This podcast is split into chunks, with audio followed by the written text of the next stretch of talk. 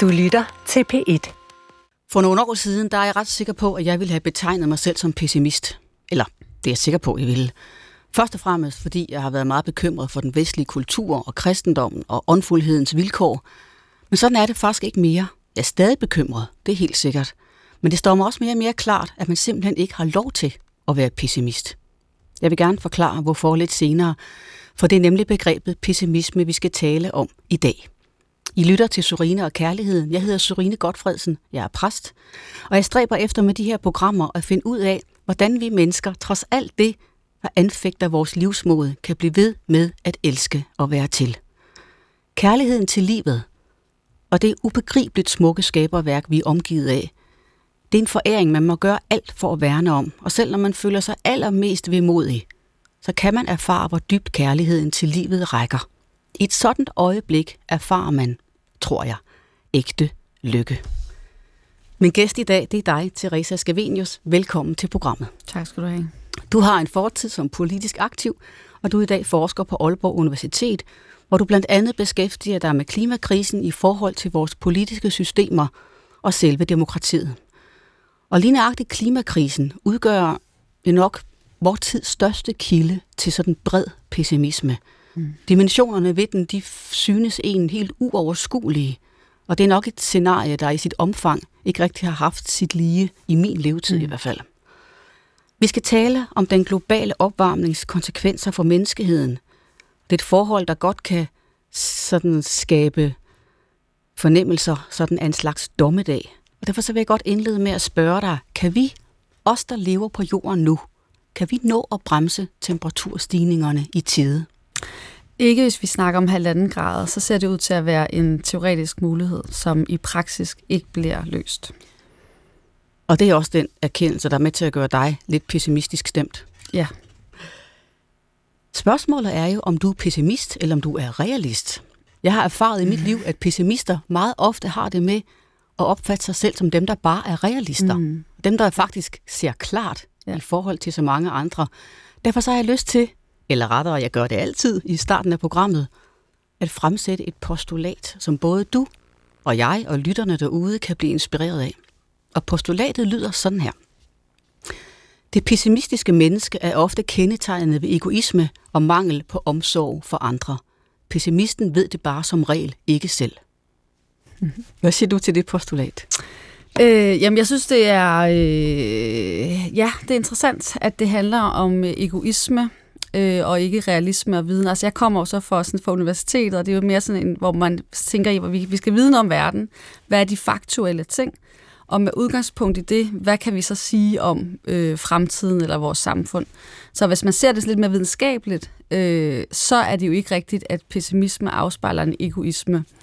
Men hvis du ser det sådan lidt mere filosofisk måske, altså det her med, at det bliver, at pessimisme også bliver en form for, øh, altså det der med, at man isolerer sig fra verden, og at man ligesom øh, hvad hedder det, øh, ikke har lyst til at deltage i verden, altså det bliver en form for nihilisme, mm. så tror jeg faktisk, at nihilismen, det kan godt være en form for egoisme, øh, fordi man så ligesom opgiver at bidrage eller være del af de sociale relationer, samfund, demokrati.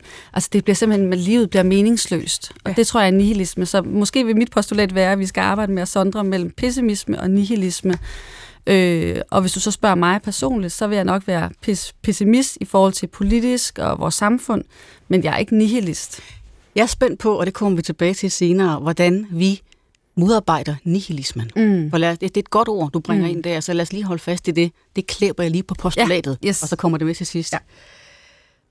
Nu nævnte du før, at du ikke er så fortrøstningsfuld i forhold til de her temperaturstigninger.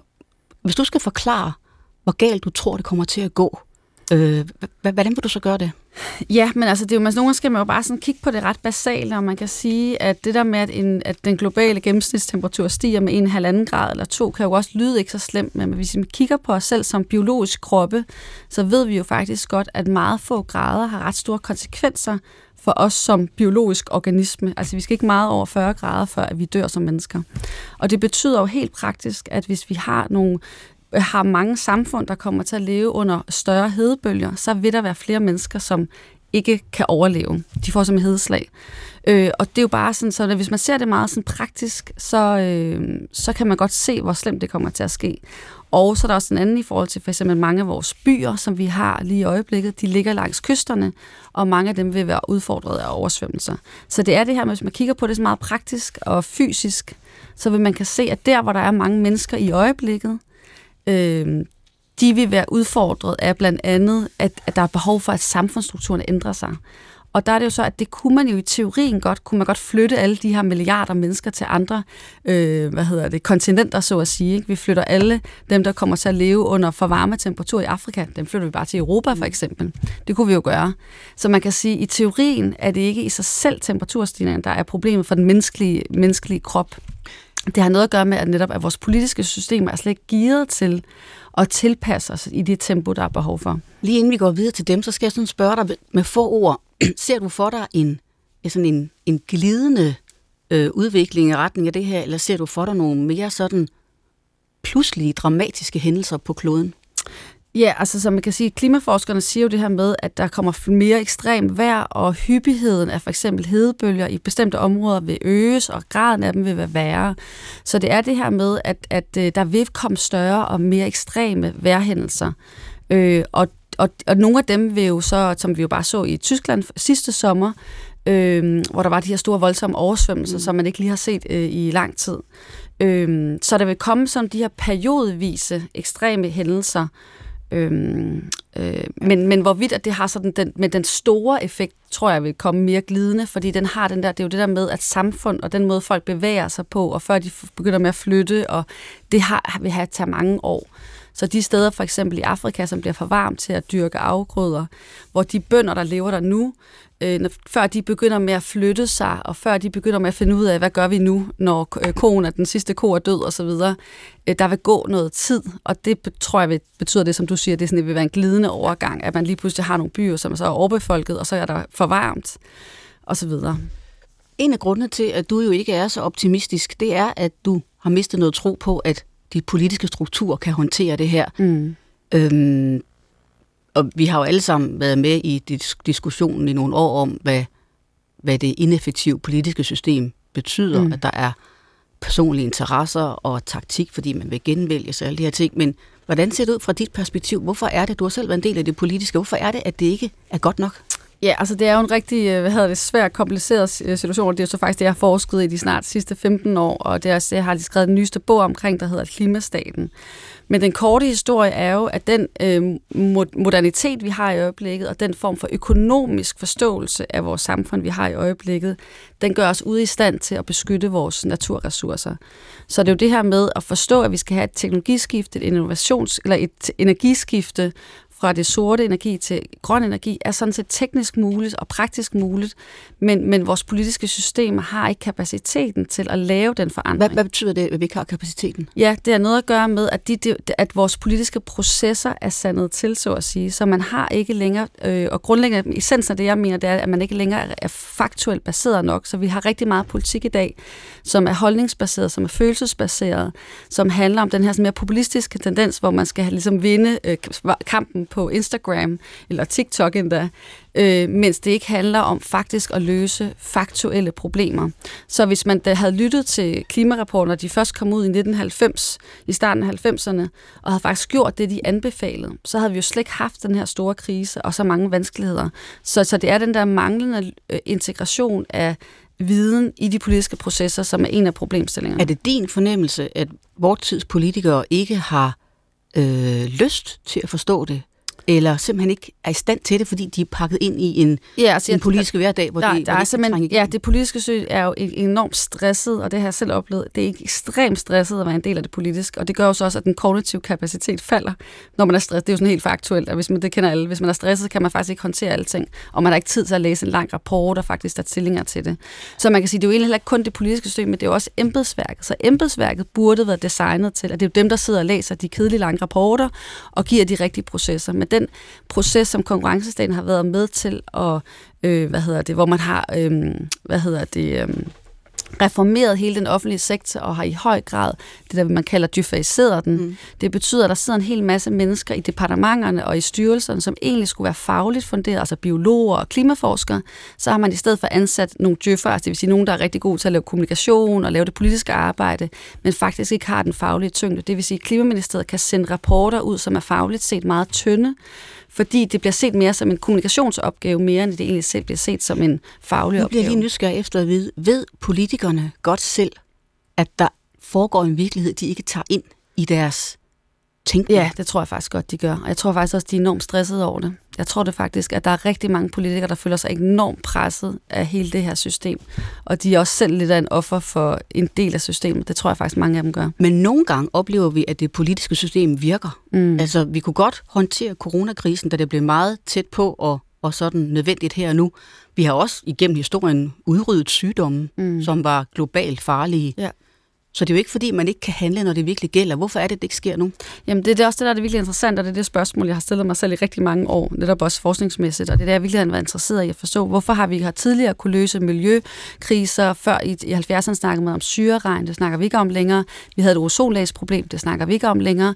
Så det er det her med, at vi har haft, vores samfund har evnet at løse de her meget, meget komplekse og store samfundsmæssige problemer, hvor nogle af dem også er på et globalt plan. Men det, som jeg har fundet ud af, det er jo netop det her med, at vores systemer har ændret sig.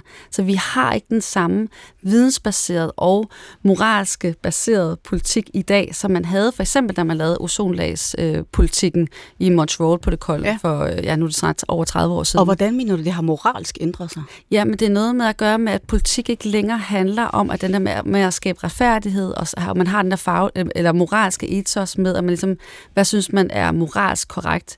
Så for eksempel Trump er jo sådan et ekstremt tilfælde, hvor det handler om at sige, om der er ikke nogen moralsk nedre grænse for, hvad man kan tillade sig at sige. Men vi kender det jo samme herhjemme, hvor vi i 30 år i Danmark har øvet os i den her indvandrerdebat, hvor den handler om, hvor der var ikke nogen moralsk nedre grænse for, at hvis, hvis man kunne klassificere noget som nogen, der var indvandrer, så galt der nogle andre politiske spilleregler.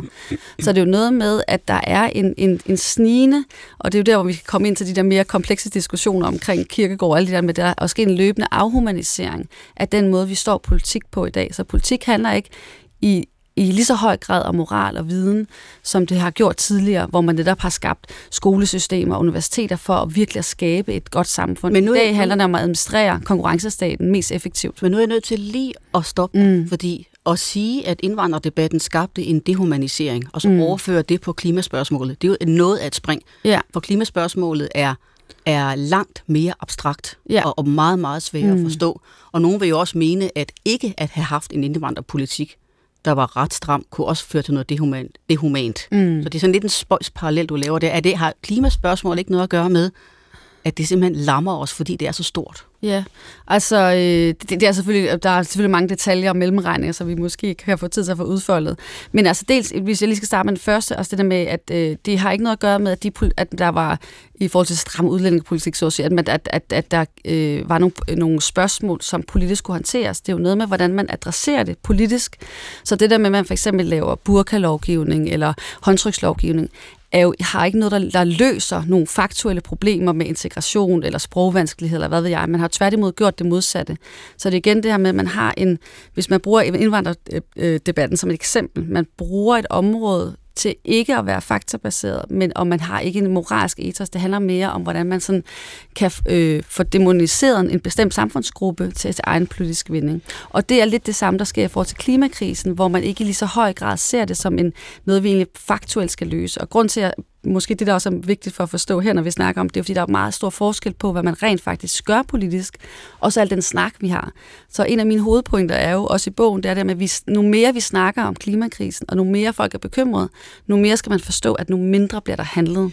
Så, så, så det er også igen det der med, at der er ikke en sammenhæng mellem al den snak, der er, øh, og så hvad der rent faktisk bliver gjort. Ikke desto mindre, så er noget af det, som jeg meget gerne vil tale med dig om, mm. det er jo netop måden, vi taler om det her på. Mm. Og der er også nogen, der har været ude at sige, at det er, der er for lidt følelse på mm. spil, når vi beskriver, når vi diskuterer klimaet, og, og egentlig prøver også at opfordre til at have ærefrygt for det skabte. Altså der ja. er nogle, nogle strenge i os, der måske ikke bliver berørt nok ja. i, de her, i de her diskussioner. Derfor så vil jeg godt, Teresa, bede dig om at, øhm, at prøve at trække perspektivet ud og mm. forklare os, Øh, hvis du så tænker 100 år frem i tiden, mm. altså nu talte jeg før om den her dommedagsstemning, ja. der er omkring klimadiskussionen nu. Øh, hvad sker der sådan med, med skaberværket i det lange perspektiv, tror du? Ja, altså, øh, det, det, det, jeg, jeg ved det jo ikke rigtigt. Altså, det, man kan sige, det vi ved, det er, at IPCC-rapporten siger, at der er forskellige scenarier for den her udvikling og for, for den temperaturstigning, der sker inden for de næste 100 år. Øh, og den ligger sandsynligvis på et sted mellem sådan 3 grader cirka, øh, ud fra det, sådan, det mest sandsynlige scenarie. Øh, og, og, og hvordan den verden så ser ud, jamen det er jo så en verden, hvor at øh, der sandsynligvis er, som andre klimaforskere siger, det her med, at der er de her tipping points, der sandsynligvis kommer efter, anden, øh, øh, efter to grader. Og det vil sige, at det er nogle af de her øh, naturfænomener, hvor for eksempel, at indlæsningen smelter endnu hurtigere, og derfor vil det være, at man øh, ikke kan, altså det er det her med de her tipping points, betyder, at man kan ikke gå tilbage igen. Det er det, der er ligesom det, det, det, det, det springende punkt, om vi ligesom kan håndtere den og rulle lidt tilbage, eller om vi ligesom, at det er for sent, og der er så aldrig, altså det er point of no return, så at sige. Inden du lige får lov at udfolde det der med tipping point, hvis du ligger i sengen om aftenen, mm. og ikke kan sove, det er jo mm. ofte der, at de mest voldsomme tanker kommer til os. Ja. Og du tænker 100 år frem i tiden, ja. og dine efterkommere, hvad de skal leve i. Hvad er så det værste scenarie, du kan se for dig? Jamen, det er ikke, det er ikke som, jeg tænker faktisk ikke så langt, og jeg tror også, det er måske lidt menneskeligt, at man ikke tænker 100 år frem. Altså, jeg tænker mere 10-20 år frem. Men hvad er, hvad er øh, det værste scenarie jamen, i, din, i din rationelle tænkning?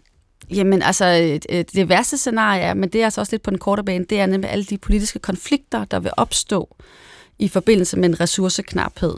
Øh, og det er jo derfor, at sådan noget som Ukrainekrisen og energikrise og de ting er nogle af de ting, vi kommer til at møde først.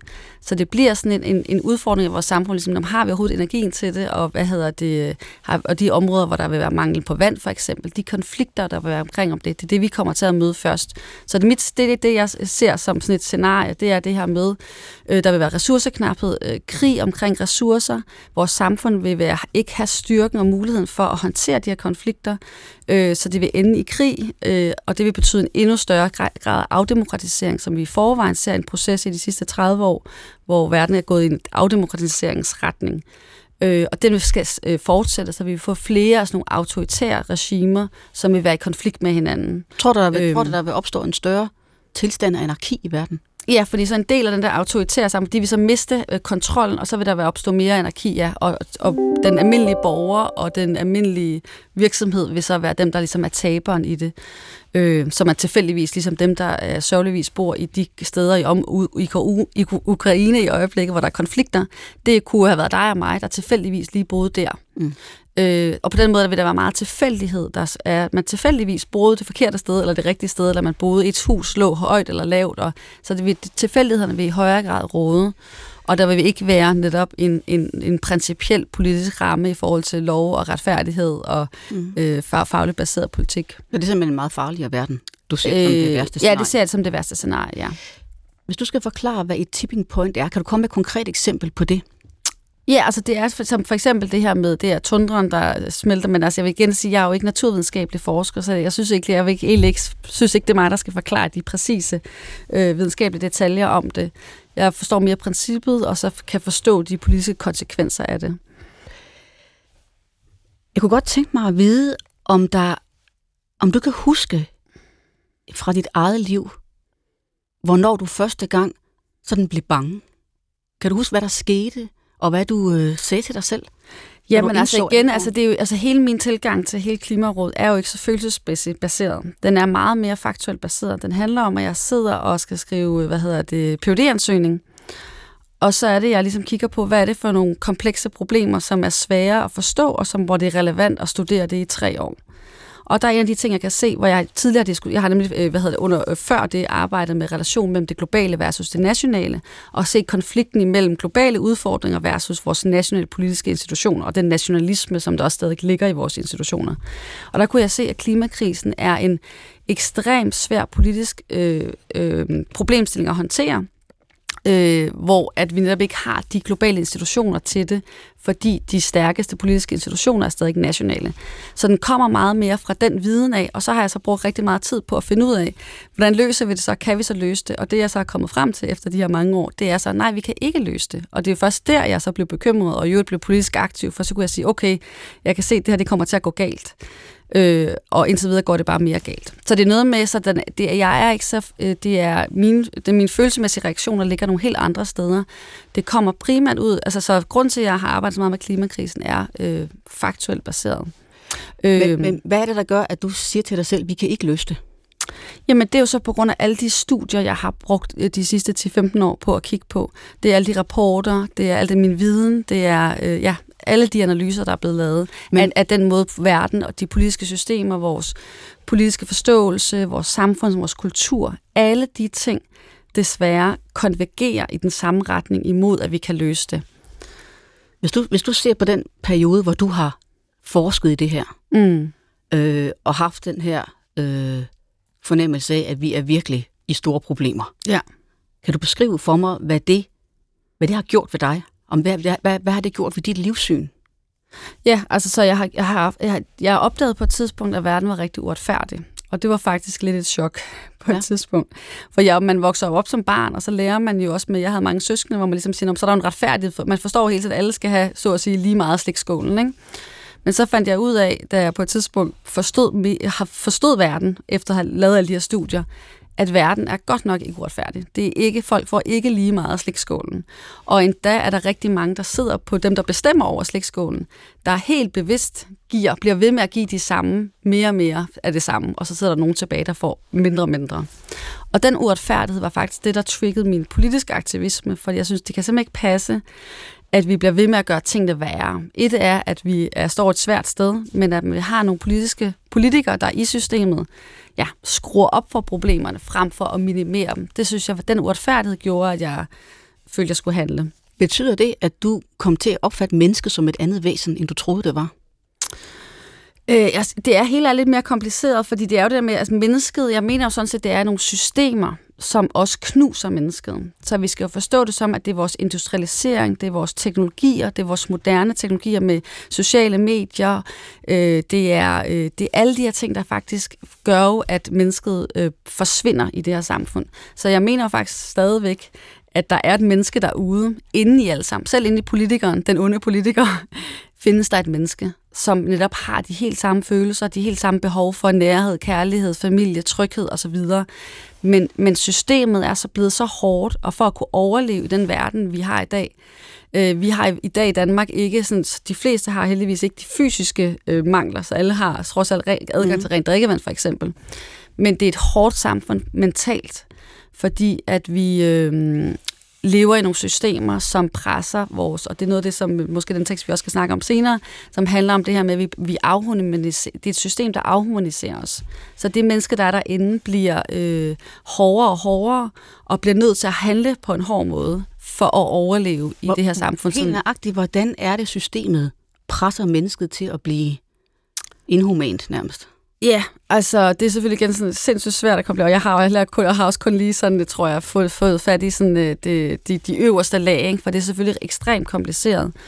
Øhm, men altså, så jeg ved ikke, om jeg kan komme med et godt eksempel på det, men et godt eksempel er måske det her med for eksempel den måde, som vores altså offentlige administration er i forhold til det sociale område og i forhold til børneområdet for eksempel, hvor man på systematisk vis i højere grad øh, forsøger ligesom at skabe nogle, øh, hvad hedder det, altså øh, øh, bliver mindre, hvad hedder der er færre ressourcer til de bløde hænder, så at sige, der er færre også i forhold til sundhedssektoren, der er flere øh, sygeplejersker osv., og de, dem, der så er stadig i som pædagog eller som øh, øh, sygeplejersker i hospitalet, de arbejder under nogle mere pressede vilkår. Og hvis de så er meget humanistiske og har æren i behold, så er det jo så, at de mange af de dem, der så siger op, som der jo også er mange eksempler på, hvor de siger, jeg kan simpelthen ikke moral stå inden for, for hvor, eller, øh, foretage det her arbejde, øh, så længe jeg ikke kan, min faglighed og min moralske ethos ikke kan blive opretholdt.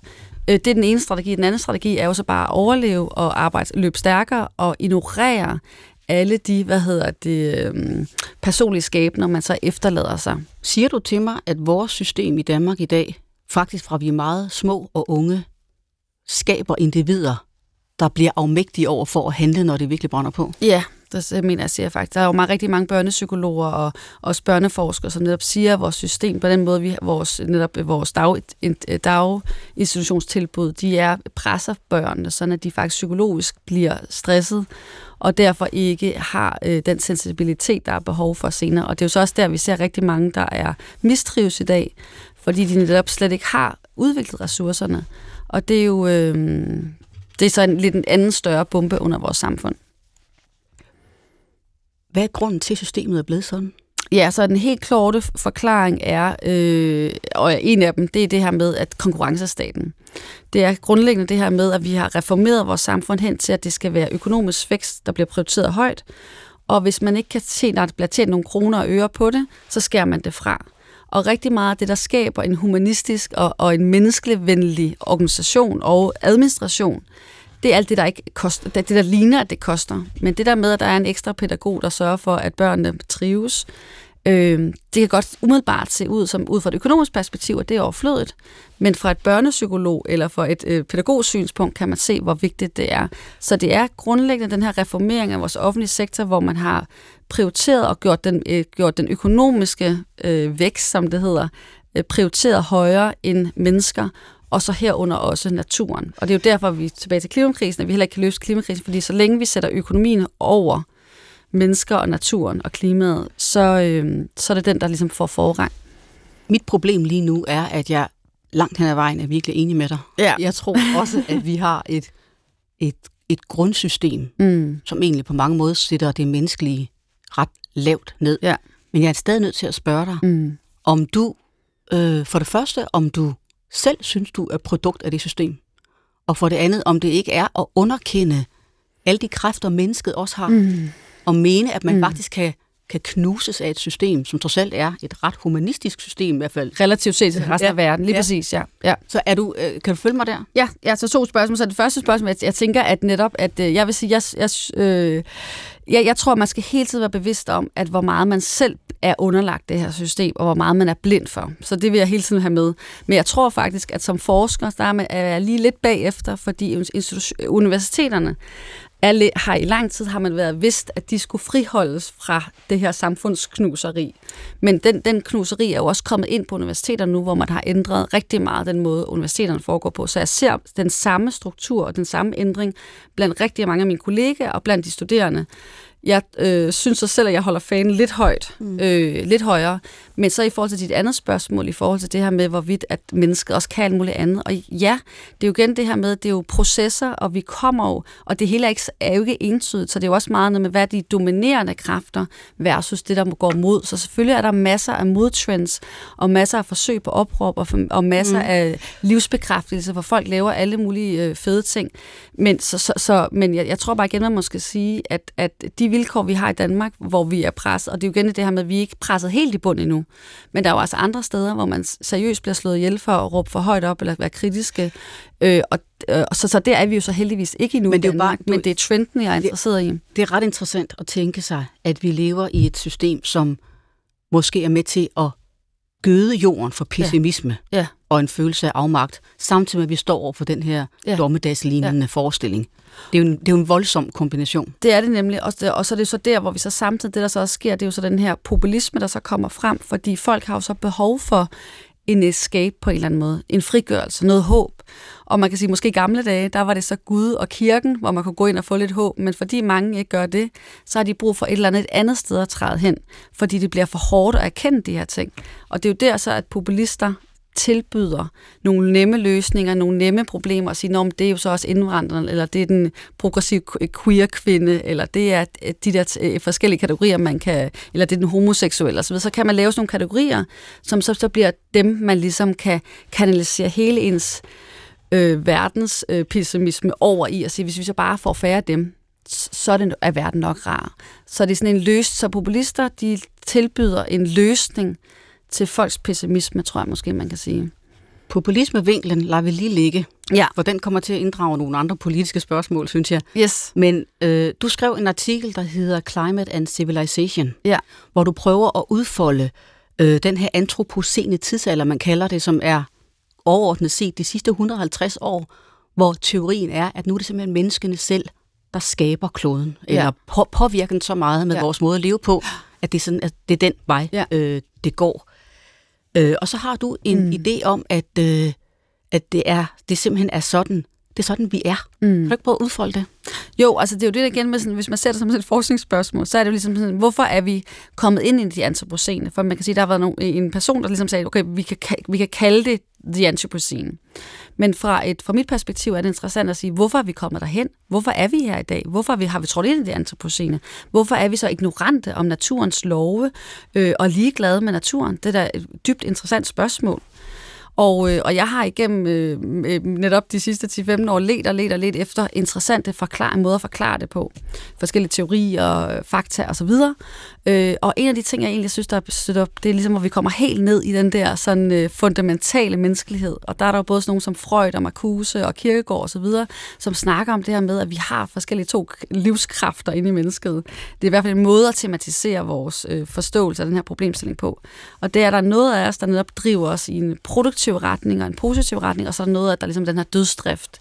Øhm, Hvad mener du med dødsdrift her? Ja, og det er jo det her med, det der er det komplekse, det er det her med, at vi i, i øhm, og det er det, som også øh, Kirkegaard snakker om, så det er jo i angsten for øh, døden, at vi ligesom forstår en hel masse. Men omvendt, når vi så forstår det, så er vi jo ligesom, at det bliver for overvældende, og derfor skal vi ligesom forsøge at undgå at forstå det.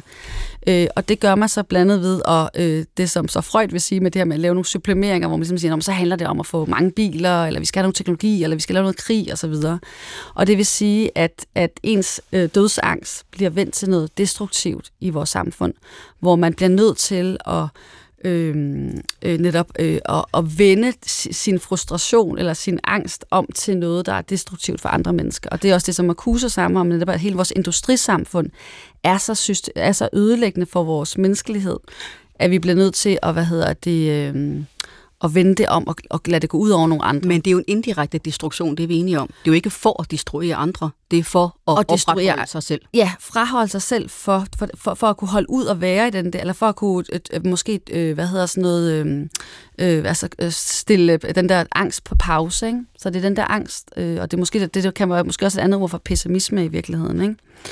At øh, så det er noget med, så hvis man skal, så det er i hvert fald derfor en, altså udover at jeg netop har beskæftiget mig rigtig meget med institutioner og politik som forklaring, så hvis vi i den der artikel, der beskriver jeg skridtet dybere, at det handler om, at vi skal også forstå menneskets øh, netop, og det er tilbage til det her knuseri, hvordan mennesket bliver knust af sin egen angst og af samfundets øh, afhumanisering. Og det gør så, at vi som menneske har svært ved at, at, at håndtere meget store ting, og nu ved jeg, at du også er interesseret i at snakke om religion, og man kan sige, hvor, hvor tidligere var religion og det religiøse og gudsforståelsen måske lidt et, et, et sted. Man kunne ligesom gå ind i kirken og blive lidt sådan, ah, ja, verden er forfærdelig, og konen døde i går, og alt er forfærdeligt, men der er den her større mening. Men det moderne menneske har jo ikke nogen større mening. Der er ikke andet end piller og teknologi og Instagram. Nu tog du nærmest ord noget af munden på mig, ja. fordi det er mig, der har den replik, at det er, at, at, og vi kommer tilbage til det ja, her, okay, med både ja. til kirkegård og til håbet. Ja. Fordi det er jo simpelthen det store modsvar. Ja. Men jeg vil godt lige først have dig til at sige, eller svare på, sidder du og beskriver for mig egentlig din opfattelse af, at vi nu i den moderne verden, vi mennesker, der lever nu, at vi er sat i det her rum, hvor håb næsten er blevet opløst. Ja, det, det, det er, ja, det, det er svært, at, og, og så, ja, det, det er det. Der, så, eller jeg ved ikke, håb, det er jo også en svært kategori, så det kommer også an på håb i forhold til hvad, ikke? Fordi man kan sige, det er jo måske, hvis du snakker håb i forhold til sådan selv, altså vi, det er jo lidt to niveauer, vi snakker om nu, ikke? Det ene er jo angst, det er jo meget det eksistentialistiske, ja. som er sådan på et helt andet niveau, mens at håb i sådan mere politisk forstand handler om, øh, kan vi håbe på, at vi får en eller anden lov eller sådan et eller andet, ikke? Så, så lige nu snakker jeg jo mere om den der eksistentialistiske håbløshed, så at sige, ikke? som jo er et faktum. Altså det er jo igen det der med, at vi alle skal dø, sooner or later, så at sige. Ikke? Og det er jo noget med, så hvordan håndterer vi som menneske det faktum, at vi skal dø? Øh, og det skaber så den her øh, grundlæggende eksistentielle angst. Opfatter du vortids klimaangst, eller meget stor fokusering på klimaproblemerne, som sådan en slags øh, indirekte påmindelse om, at vi skal dø? Ja, altså jeg har ikke tænkt nok over det, og der, der er nok det er rigtig komplekst, ikke? men jeg tror, at der er noget i det, at vi netop, altså på en eller anden måde, at det minder os om menneskets dødelighed. Og det er jo rigtig svært at se, når vi har et køleskab derhjemme, og alt ser virker som om det fungerer, og det der med at forstå, at vi er dødelige som mennesker. Og så er det så netop den her altså, helt voldsomme klimakrise, som kan se langt ud i fremtiden, og hvor vi kan sige, okay, om et par hundrede år, så står vores civilisation måske helt udryddet. Og det er ret voldsomt. Og, og, øh, og, og det er, når vi så ikke som samfund er vant til at tale om døden og have døden tæt på, så bliver det en voldsom ting. Men det der, jeg tror så også, der er stor forskel på, om man ligesom ser det igen som det der essentielle niveau, eller om det mere bliver som sådan en løsningsorienteret øh, stress eller angst, øh, hvor at der er... Øh, ja. Jeg må sige at selv, øh, jeg tror mange børn, når de bliver 7-8 år, mm. deromkring, første gang fatter, at de skal dø, mm. og at far og mor skal dø. Ja, ja. Og den erkendelse er Voldsom, fuldkommen lammende. Ja, ja. Jeg har selv i de her år en forestilling om, at det er noget af det, vi genoplever, mm. nu som voksne mennesker. Ja. At det faktisk er rigtigt, ja. at ting kan gå helt galt, ja. og at øh, vores, hvert fald vores vilkår kan blive voldsomt forandret. Ja. Ja. Jeg er nødt til at spørge dig, Teresa, når du sidder og beskæftiger dig så meget med de her ting, og også tænker så meget eksistentielt over, hvad mm. det betyder, mm. øh, har du mistet håb for fremtiden selv? Øhm, eksistentielt håb? Øh, altså, øh, altså, jeg har, og det handler den der Climate and Civilization jo også lidt om, at øh, ja, men det måske også er på et endnu dybere plan, hvor det handler om, som vi bliver også nødt til at forstå, hvad er mennesket for noget? Og mennesket har jo altid været rigtig destruktivt. Så det er faktisk ikke, det er ikke et nyt fænomen, at vi smadrer naturen. Vi har, lige fra vi opstod, så smadrede vi først vores, de andre raser, vi smadrede de store dyr, vi har udryddet stort set alle dyr, øh, hvad hedder det, derfor vi har en biodiversitetskrise i dag. Øh, vi har ligesom brugt og brugt og opbrugt og skaltet og valtet og været de der vikinger, der bare ligesom har spist os øh, øh og voldtaget hele verden. Men, men igen det der med, at, at øh, den genmændelse, vi får nu med klimakrisen, er bare et, et nyt kapitel i en lang, lang, lang bog. Og derfor er pessimismen er forstået på den måde, at det nærmest er beyond det, fordi at det handler om at sige, at øh, det, menneskeheden er destruktivt. Så det er Men... ikke et nyt fænomen, så der er, der er slet ikke noget... Øh, og al den civilisation, du snakker om, de her fantastiske samfund, vi, eller de her, alle de her fantastiske ting, vi har skabt, og livet og så videre, at alt det har vi, øh, eller måske der er selvfølgelig rigtig forskel på, om det er et menneskeligt skabt samfund, eller det er mere det er livet, som du snakker om. Der er selvfølgelig to forskelle, men i hvert fald alle de, den civilisation, vi har skabt, de kulturer, de bygninger, vi har, alle de teknologier, er jo fantastiske alle sammen, men de er jo blevet skabt med den øh, pris, at vi træks for mange ressourcer, dels på mennesker, øh, og dels på naturen, og dels på, og nu på klimaet. Men, øh, så, så, så øh, ja. Jeg indledte programmet med at sige, og det gør jeg som regel i en eller anden formulering, at det altafgørende for mig er at tale om, hvordan vi bliver ved med at elske at være her, ja. og virkelig ja. tro på det her ja. liv. Ja. Når du dyrker de her tanker om, om dødsdriften og den der øh, sublimerede seksueldrift og alt det ja. der, som du har skrevet om, kan du så ikke risikere at, at mane dig selv ind i en tilstand, hvor du, hvor du simpelthen opfatter mennesket for dyrisk? Og for primitivt? Jamen altså faktisk, er, igen er det lidt mere komplekst, for jeg har faktisk helt den der forståelse. Jeg har også for eksempel læst Erik Fromm, øh, jeg ved ikke om du kender ham, men det er jo det her med, at handler om at kunsten at elske. Og det ligger meget i forlængelse af det, du siger. Ikke? Altså det handler om det der med, hvordan er det, vi egentlig elsker livet og elsker sig os selv, ikke, så at sige, som mennesker. Og det, det er jo, og, og, og så, så, så jeg ser faktisk ikke mennesket som dyrisk. Jeg ser, at mennesket har et potentiale til at være menneskelig. Det er derfor, det er, at menneskeligheden i vores system er så vigtig. Fordi hvis vi afmenneskeliggør os, og ligesom øh, ser børnene som nogle robotter, og ser øh, alt som teknologiproblemer, så ser vi ikke mennesket, og så er vi ikke i stand til at elske den verden, vi er i faktisk øh, uagtet om vi har den ene eller anden øh, iPhone end den anden. Ikke? Altså, så det er jo noget med, at vi har i den moderne, og det, From siger jo netop, han konkluderer, i den moderne tidsalder, der har kærligheden virkelig ringe vilkår, fordi mennesker er ikke i stand til at elske længere. Og det er jo der hele den der for eksempel medialiserede øh, virkelighed, vi lever i nu, hvor alt skal være på Instagram, og alt er et computerspil. Jeg skal lige, hele... jeg skal lige bremse dig. Det, øh, mener, du, mener du, han har ret i det? At mennesket ja, det ikke er stand til at elske længere? Ja, det mener jeg godt. Hvad, hvad mener altså, ja, du Og det er jo på den her måde, på den her kærlighed med, at, der, at det er meget, det er faktisk, det er jo svært. Altså det, som i froms betydning betyder det, at man har meget svært ved at elske sig selv. Så mennesket, det moderne menneske, har svært ved at finde sig selv, fordi når vi lever i den her medialiserede verden og computervirkelighed, så har folk ikke længere, altså nu snakker jeg meget generelt mm. og på et abstrakt filosofisk plan, at bliver det vanskeligere at finde sig selv i det, fordi man lever kun som den der genspejling, som et medialiseret menneske. Og det er jo derfor, at der er både der øvrigt masser, der går ned med stress og får alle mulige psykiske sygdomme. Det er fordi, de mister sig selv. Og, det, og når, man ikke, når man ikke ved, hvem man selv er længere, hvis man ikke ved, at man selv er et menneske, så er man ikke i stand til at elske andre eller verden og det er måske, hvis jeg kan hoppe hen til det her, for det der jeg faktisk synes, der er ekstremt interessant i forhold til kirkegård, det er det her med, at det han egentlig siger, det der er den, en af de største angst, angst, det er det her med, det er angst for det gode. Og det handler om det her med, at vi faktisk gerne vil leve i en øh, uvidenhed. Fordi hvis vi ligesom får for meget viden og forstår os selv for meget, så er det jo så forbundet med det, at vi så forstår, at vi er dødelige. Og vi, øh, men, det, men samtidig bliver vi nødt til at forstå det. Vi bliver nødt til at forstå, hvad mennesket er, for at kunne elske det liv, vi har. Ja, så det er de der par, meget sådan paradoxale ting, men i dag føler jeg lidt, at vi ligesom doper os selv. Vi lever i den her, sådan, øh, har det der opium med masser af underholdning. Altså alt skal jo være underholdning, så mm. mennesket skal underholdes. Men, men, øh, jeg men, kan sagtens høre, at du har, du har læst din kirkegård grundigt, og det, og det han også siger med angsten for det gode, det er jo, at en ting er, at man, at man bliver øh, blottet som det, man er, men ja. man bliver også ubetinget forpligtet på sit medmenneske. Ja. Ja. Og det er jo angsten for at øh, være så forpligtet, at man øh, ja, er nødt til at træde ud af sig selv og, og, og væk fra alt det, som du nævner, som er behageligt og maligt og, ja, øh, øh, og så videre. Ja, ja. Øhm, kender du den tilstand fra dig selv? Er du også et produkt af det? Øh, altså jeg vil sige, jeg har jo netop igennem, hvor jeg var politisk aktiv, der følte jeg netop, det var den der forpligtelse til at sige, okay, jeg er blevet nødt til at handle på al den her viden. Jeg kan ikke bare sidde i mit øh, elfenbenstårn, som godt nok ikke findes længere, men som, som i teorien burde findes. Øh, jeg kan ikke bare sidde der og være malig, have mit arbejde, hygge mig, og så se på alt det her. Jeg bliver nødt til at være ude i erkendelsen, ude i det. Øh, og øh, men, øh, så, så, så, så, men, men selvfølgelig øh, er der også helt grader af øh, malighed i forhold til, når jeg skal også lige kunne sørge for at have tid til at smøre madpakker til mine børn, når de skal i skole om morgenen. Det vil sige, der er jo, og det er jo en form for malighed, at man øh, gør det, så at sige. Ikke? Klimakrisen er jo, kan man jo sige, er blevet også en individopgave. Mm. Altså, og nu, ja, ja.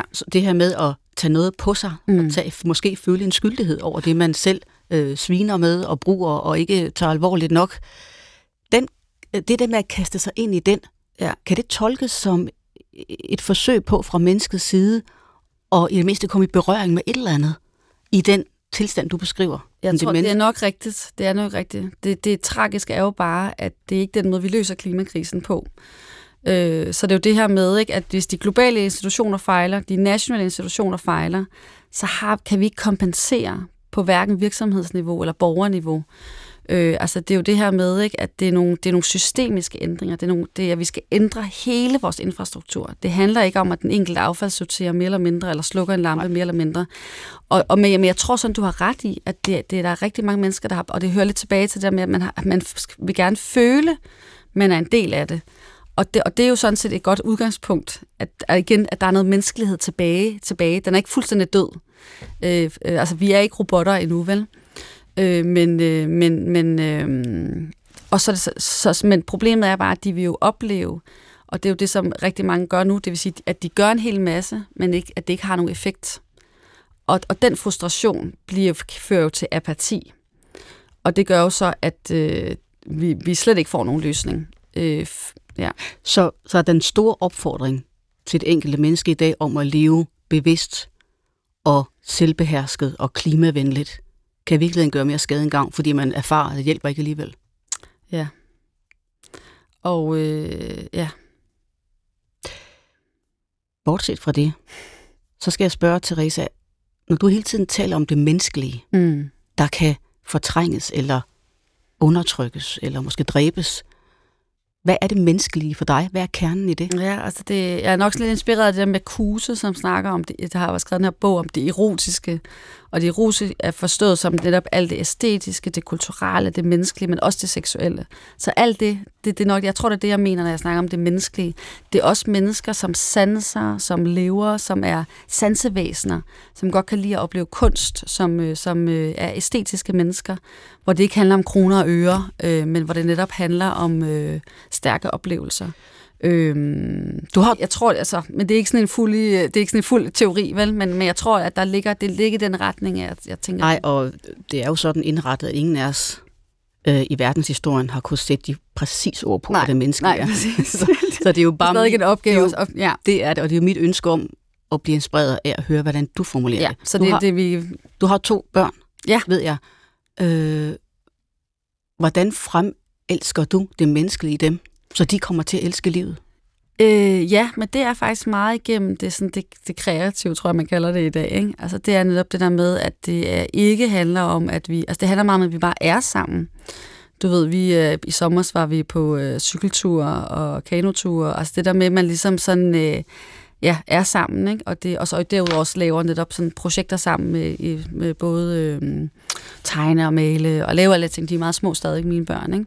Så jeg, at jeg tænker, at det, altså, jeg forsøger netop at skabe nogle mennesker, men nogle gange føler jeg lidt dårlig samvittighed, fordi jeg er ikke sikker på, at jeg øh, forbereder dem på den virkelighed, de møder.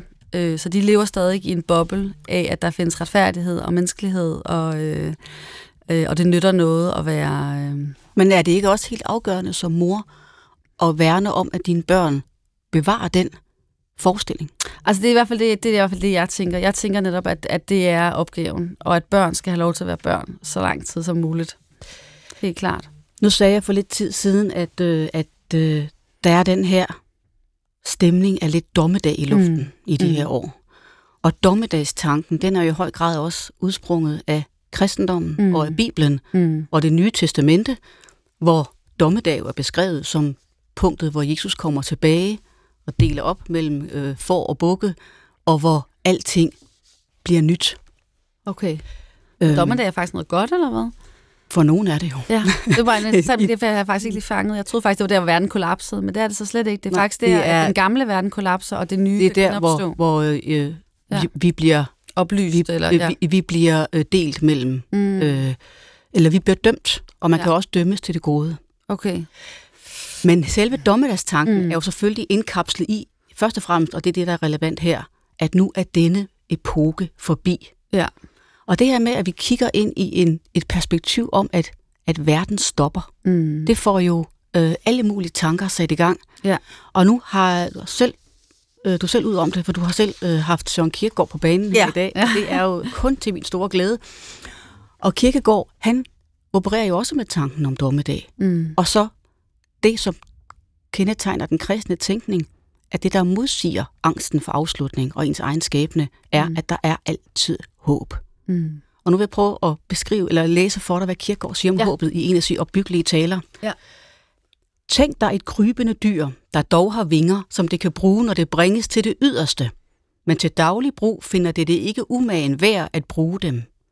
Således er evighedens håb i menneskets inderste. Han har vinger, men han må bringes til det yderste for at opdage dem. Mm. Det synes jeg passede ret godt til i dag, ja. fordi vi taler om øh, dette at have en følelse af måske at stå i nærheden af noget, der er det mm. yderste.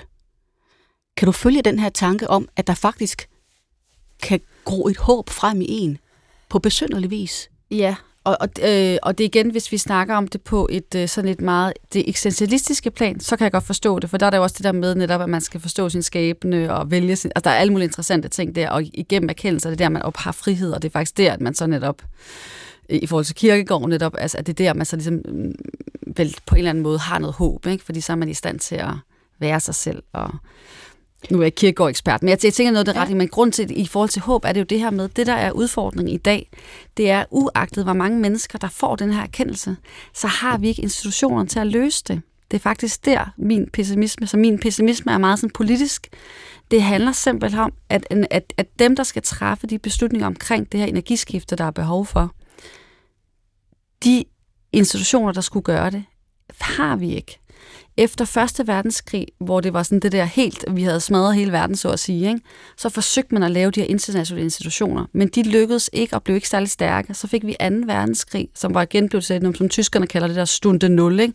altså årgang 0. Helt, nu er vi helt tilbage, sådan Jesus øh, fødsel. Ikke? Mm. Og så var det, efter der var der den her opblomstring af internationale organisationer, vi skulle have øh, rettigheder, og vi skulle have domstole, og vi skulle, det var fakta og moral, politik skulle være baseret på.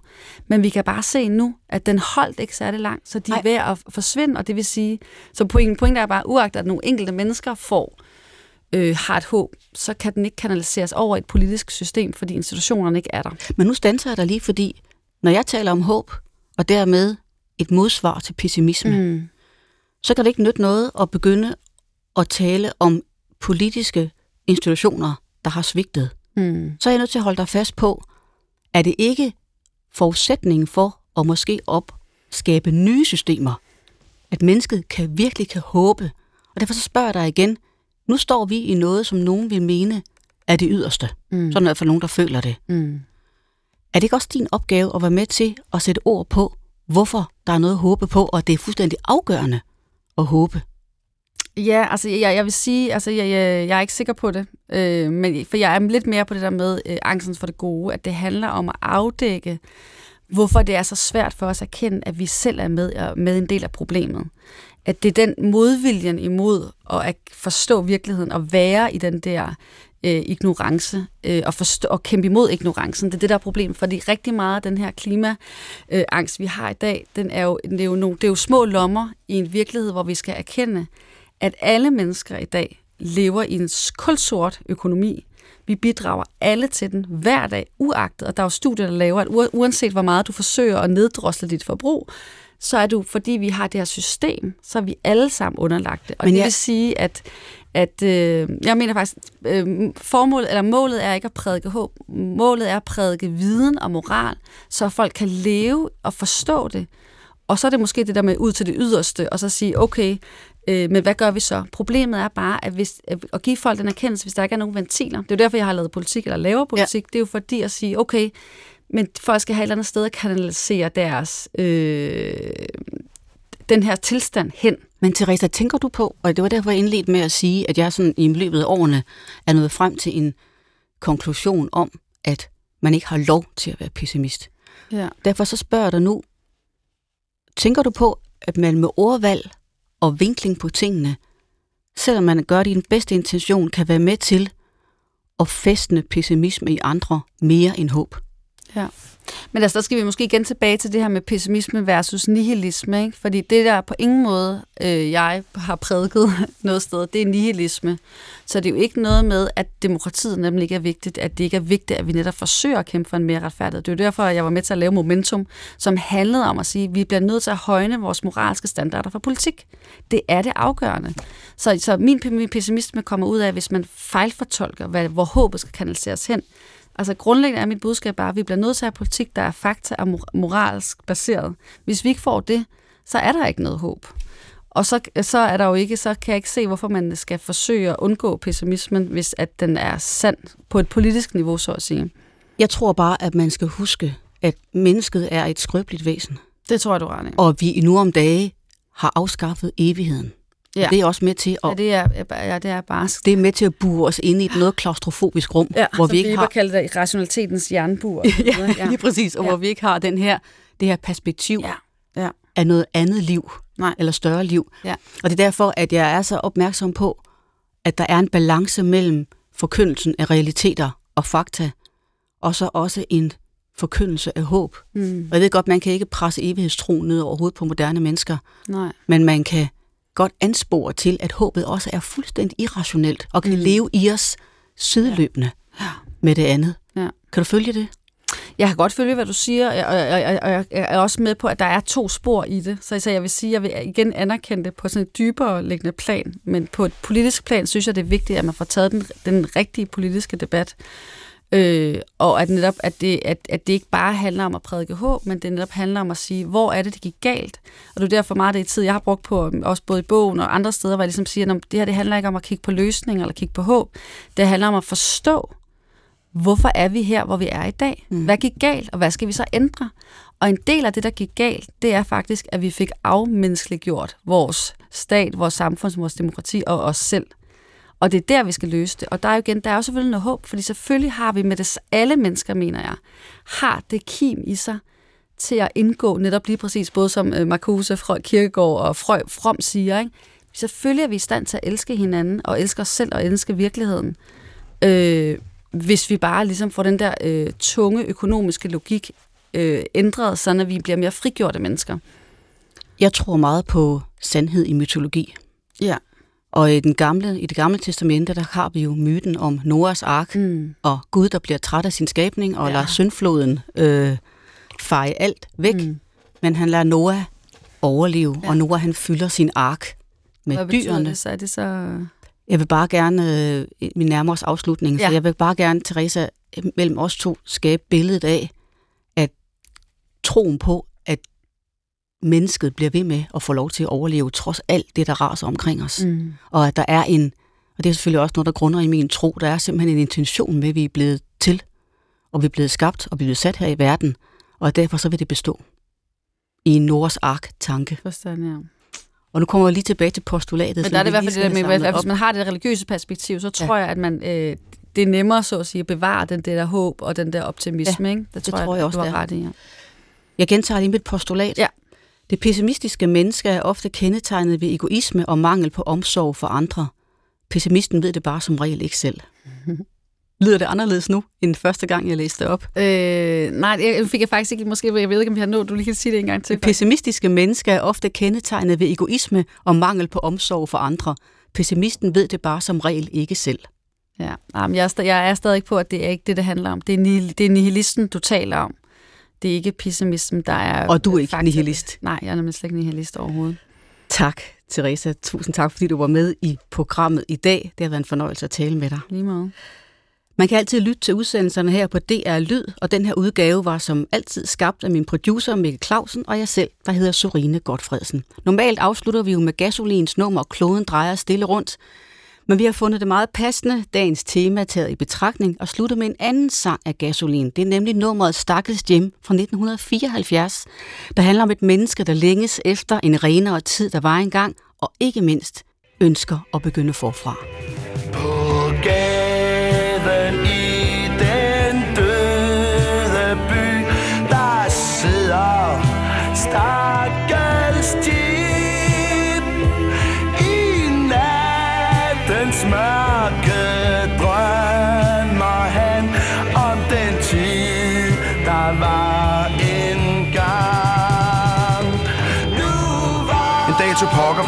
menneskene. De forlod deres store byer og deres fabrikker og deres flotte biler og gik ud på sletten og sagde, lad os begynde helt forfra igen. Men tilbage i den døde by, der sidder der en mand, som ikke kan glemme den tid, og det er ham, som de kalder for Stakkels Jane.